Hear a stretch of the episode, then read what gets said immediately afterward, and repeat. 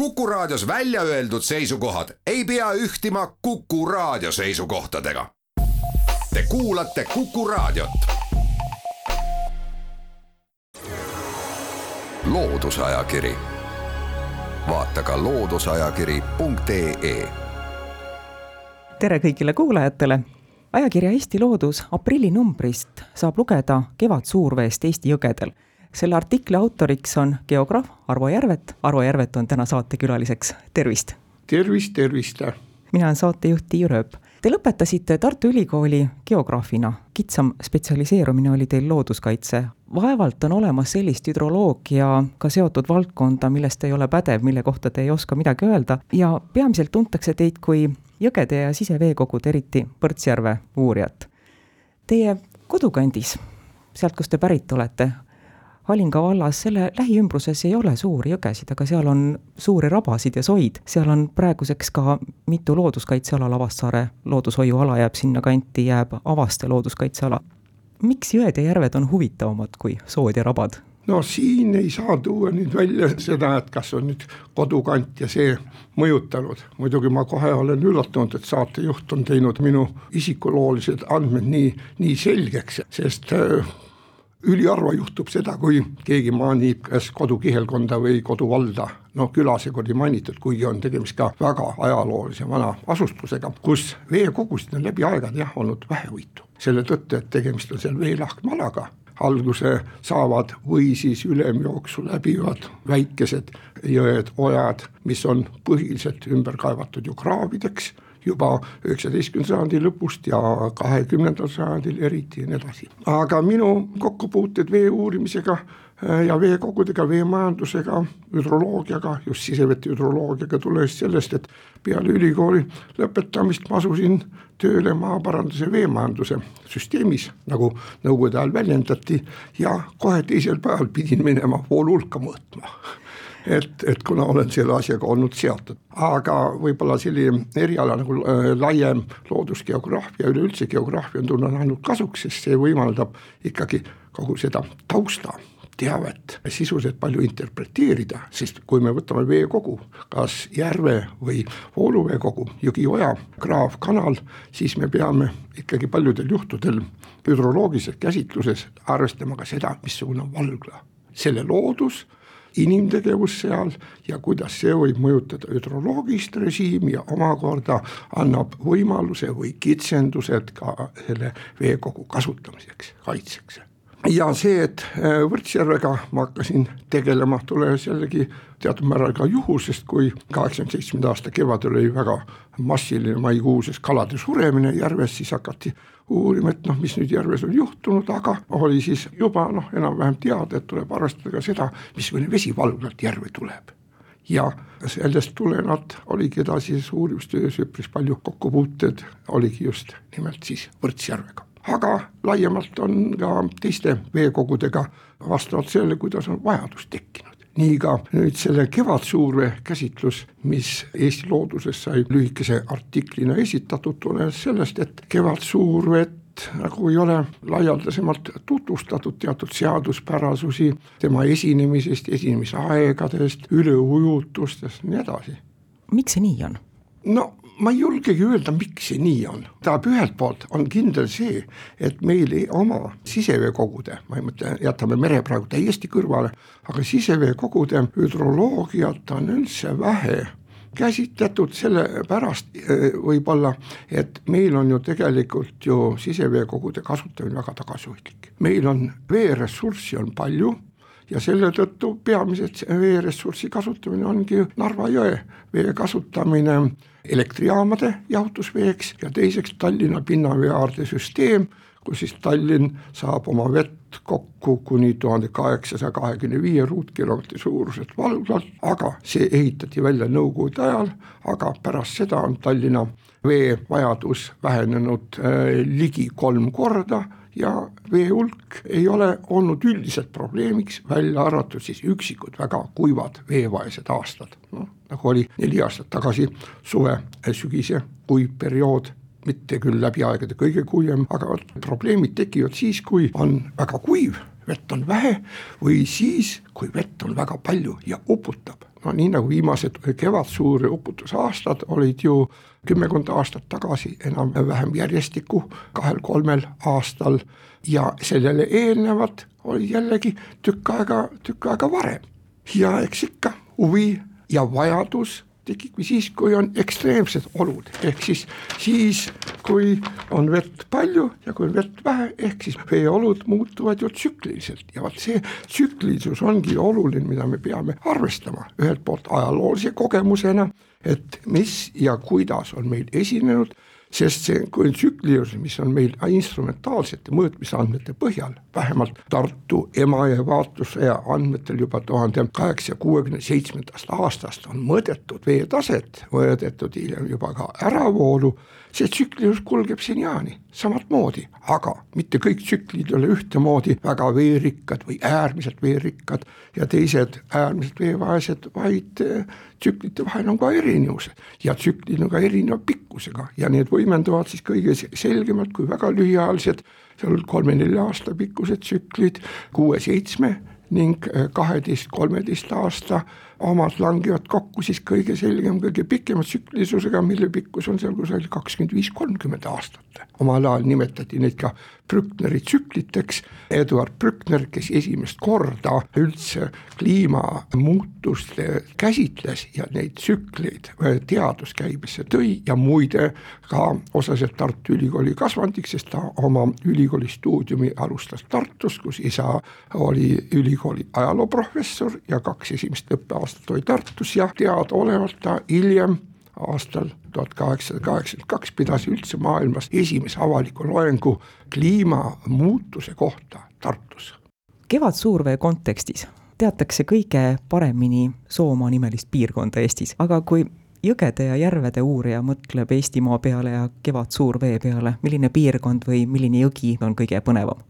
Nojah, kõige põnevad võib-olla raske on läbi välja tuua, sest Eestimaa loodus on ikkagi küllalt, küllalt mitmekesine. Ja nüüd hüdroloogiliselt võttes on ka meil selgelt erinevad piirkonnad, sõltuvalt loodustingimustest. Ja see, et Soomaa on põnev, on mõistagi, tuleb sellest, et seal on tegemist meil kõige suurema pindalaga üleujutusalaga sisemaisega. Ja ega mereületusajad eh, pindalad pole üldsegi suuremad, nii et kõige suurem seal kõrgema veetaseme juures seal see kuni sada seitsekümmend viis ruutkilomeetrit, aga see kõige kõrgem pindala ongi saadud seal tuhande üheksasaja kolmekümne esimese aasta üleujutust arvestades, aga eks hilisemalt väga paljud alla ei jää, aga suur vesi, kevadsuurvesi eriti sõltub ju palju valglooduslikest tingimustest. Ja selles osas on kõige nii-öelda selgem see tegur, see, kui jõe ülemjooks ja keskjooks on näiteks seal kõrgustikul või suurema languga jõelõik, vesi tuleb piltlikult öeldes kolinal mäest alla, siis jõelang muutub väiksemaks ja sealt enam vesi ei lähe sama kiirusega enam edasi ja jõesäng ei lase nii palju vett läbi ja ujutabki siis maa-ala üle. Ja Soomaa on suurepärane näide, kuidas Sakala kõrgustikult tuleb vesi hooga alla, aga sealt on nagu punn ees ja sinna siis koguneb see mitme jõe poolt kokku toodud vesi, tõuseb ülespoole ja tekitabki üleujutuse. no analoogne pilt on ka Kasari jõe alamjooksul kus äh, üleujutus sõltub ka sellest, milline on merevee tase Matsalu lahes. meil on aeg teha jutuajamist ja väikene paus. loodusajakiri, vaata ka looduseajakiri.ee loodusajakiri läheb edasi. kuku stuudios on Eesti jõgede ja laiemalt siseveekogude väga hea tundja, geograaf Arvo Järvet ja saatejuht Tiiu Rööp. kevadine suurvesi on saate teemaks. ikka küsiks, mis jõgi on kõige huvitavam ja miks enda jaoks? minul isiklikult et Pärnu jõgi on väga huvitav ühelt poolt erialaliselt võttes, et kui me räägime jõgede hüdroloogilisest režiimist, eriti äravoolust, äravoolu näitajate järgi, siis Pärnu jõgi on kahtlematult meil Eesti keskmise jõe näide. ükskõik mis näitajate puhul on võimatu mõnikord leida seda, mis on keskmine kõik on noh selge, keskmine sissetulek või midagi, aga kes on see inimene, kes elab keskmise sissetulekuga, jääb teadmata.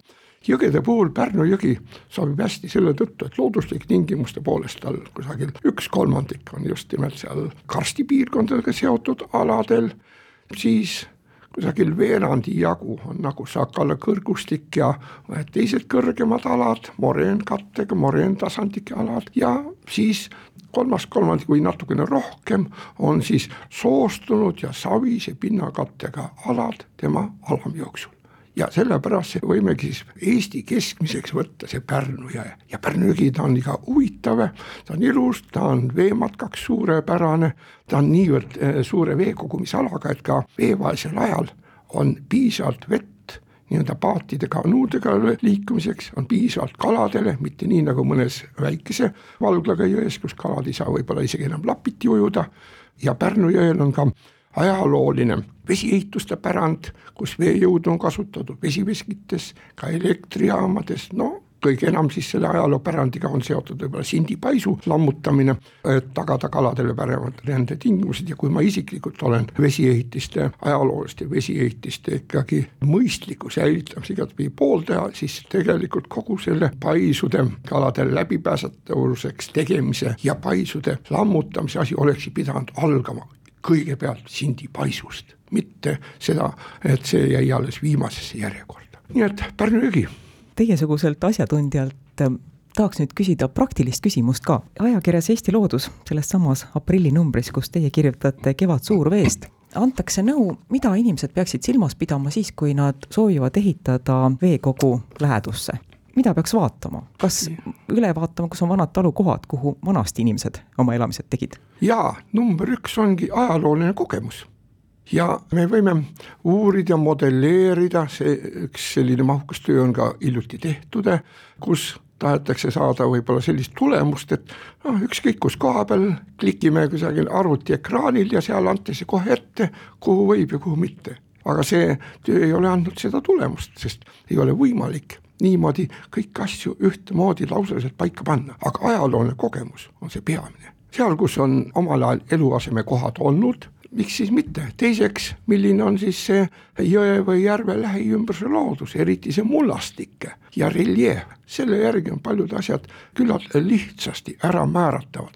ja teiseks, et mitte seada eesmärgiks, et nüüd kindlasti saan nüüd saunalava pealt minna otsekohe vette või siis hommikul panna jalad kohe, kohe välistrepi pealt vette. mõistlikul kaugusel ikkagi, see on see peamine. ja see, et mõne koha peal ka üle ujutab, no näiteks eluasemeid või ka midagi muud, no kui ta on niimoodi aastasadade jooksul toimunud, las ta siis toimib ka edasi. ja meil on ju säilinud ka veel vanast asustuspildist veel talukohti või elukohti, mis jäävad ju üleujutusaladele ja näiteks Soomaa, mis on ju kõige parem näide, et äh, me oleme jõudnud praeguseks ajaks sellisesse olukorda, et Soomaal need kohalikud kes sinna on jäänud väheseks, kohalikud inimesed turismiettevõtlusega tegelevad. Ja see on neile suurel määral ju läbi aasta sissetulekuallikas, et mida kauem kestab siis suur vesi, mida soojemal ajal on ta, no näiteks siin oli mõni aasta, üheksa või kümme aastat tagasi ulatus isegi maikuusse, kus oli ilmad ilusad, päikselised, kus sai metsasihtisid mööda veel kanuuga sõita, rääkimata luhal sõitmisest, see on ju kõik ainult kasulik. Ja selle nimel tasub ju see lühikene uputushooaeg ju ära kannatada ka nendel kohtadel. Tähendab, see on ka teatud määral muutunud nagu võluks, kus võetakse asja mõistlikult.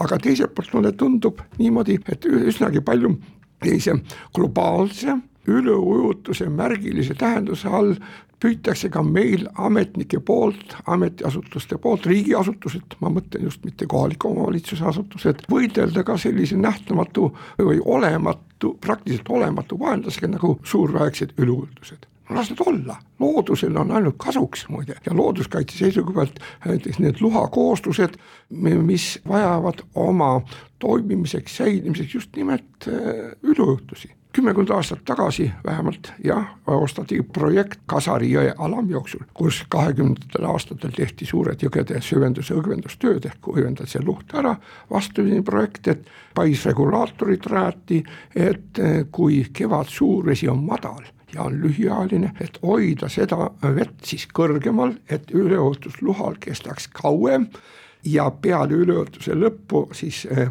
säiliks mullaniiskus suuremal määral, et siis äh, see mullaelustik, vihmaussid oleksid hiljem lindudele väga vajalikuks toidubaasiks kui muld kuivab varakult ära, siis loomulikult ju vihmaussid lähevad ju sügavamale ja näiteks kurvitsalised ei saa neid ju sealt enam kätte. väga, väga lihtne asi. üleujutuse kestvus mõjutab seal ka kalade kudemistingimusi? jaa, just nimelt, see on nüüd ka selline näitaja, et meil on mõnigi kord võib-olla ei ole arvestatud sellega, kuidas äh, siis just need kudejad kes kasutavad luhtasid, et nende kalapopulatsiooni arvukus, et see ka muutub või sõltub kevadisest üleujutusest. noh näiteks haug on ju kõige paremaks näiteks, et vesi oleks juba piisavalt soe seal nelja-viie kraadi juures ja et sel ajal et üht, ühelt poolt veetemperatuur oleks sobivas vahemikus ja et oleks luhtadel piisavalt vett või järvi ümbritsevatel aladel. aga kui kevadsuurvesi jääb madalaks, on ta lühiajaline, on ta jahedal ajal, siis on ju loomulikult kudemistingimused väga ebasoodsad ja see mõjutab siis ju järgmiste aastate kalapõlvkonda. nii et seoseid on palju, väljundeid on mitmed, aga nii looduse valdkonda kui ka sotsiaalmajanduslikku valdkonda aga selle sotsiaalmajandusliku poole pealt, et inimesed lihtsalt jällegi sedasama tsüklilist muutlikkust teadvustaksid endale, et aastad ei ole vennad, aga ka erinevad perioodid seal kestvusega kümme, viisteist aastat ei ole vennad, rääkimata, et nad oleksid õed. Selleks korraks on saateaeg otsakorral, saatejuht Tiia Rööp tänab külalist, aitäh, Arvo Järvet, külla tulemast, aitäh jutuajamise eest ajakirja Eesti Loodus aprillinumbrist leiate Arvo Järveti artikli Kevad suurveest Eesti jõgedel. sellest artiklist saab näiteks teada, mis tegurid kujundavad kevadsuurvett ning sedagi, kui palju meil on siseveekogudega seotud üleujutusalasid. ilusat õhtu jätku kõigile, jälle kuulmiseni! loodusajakiri, vaata ka looduseajakiri.ee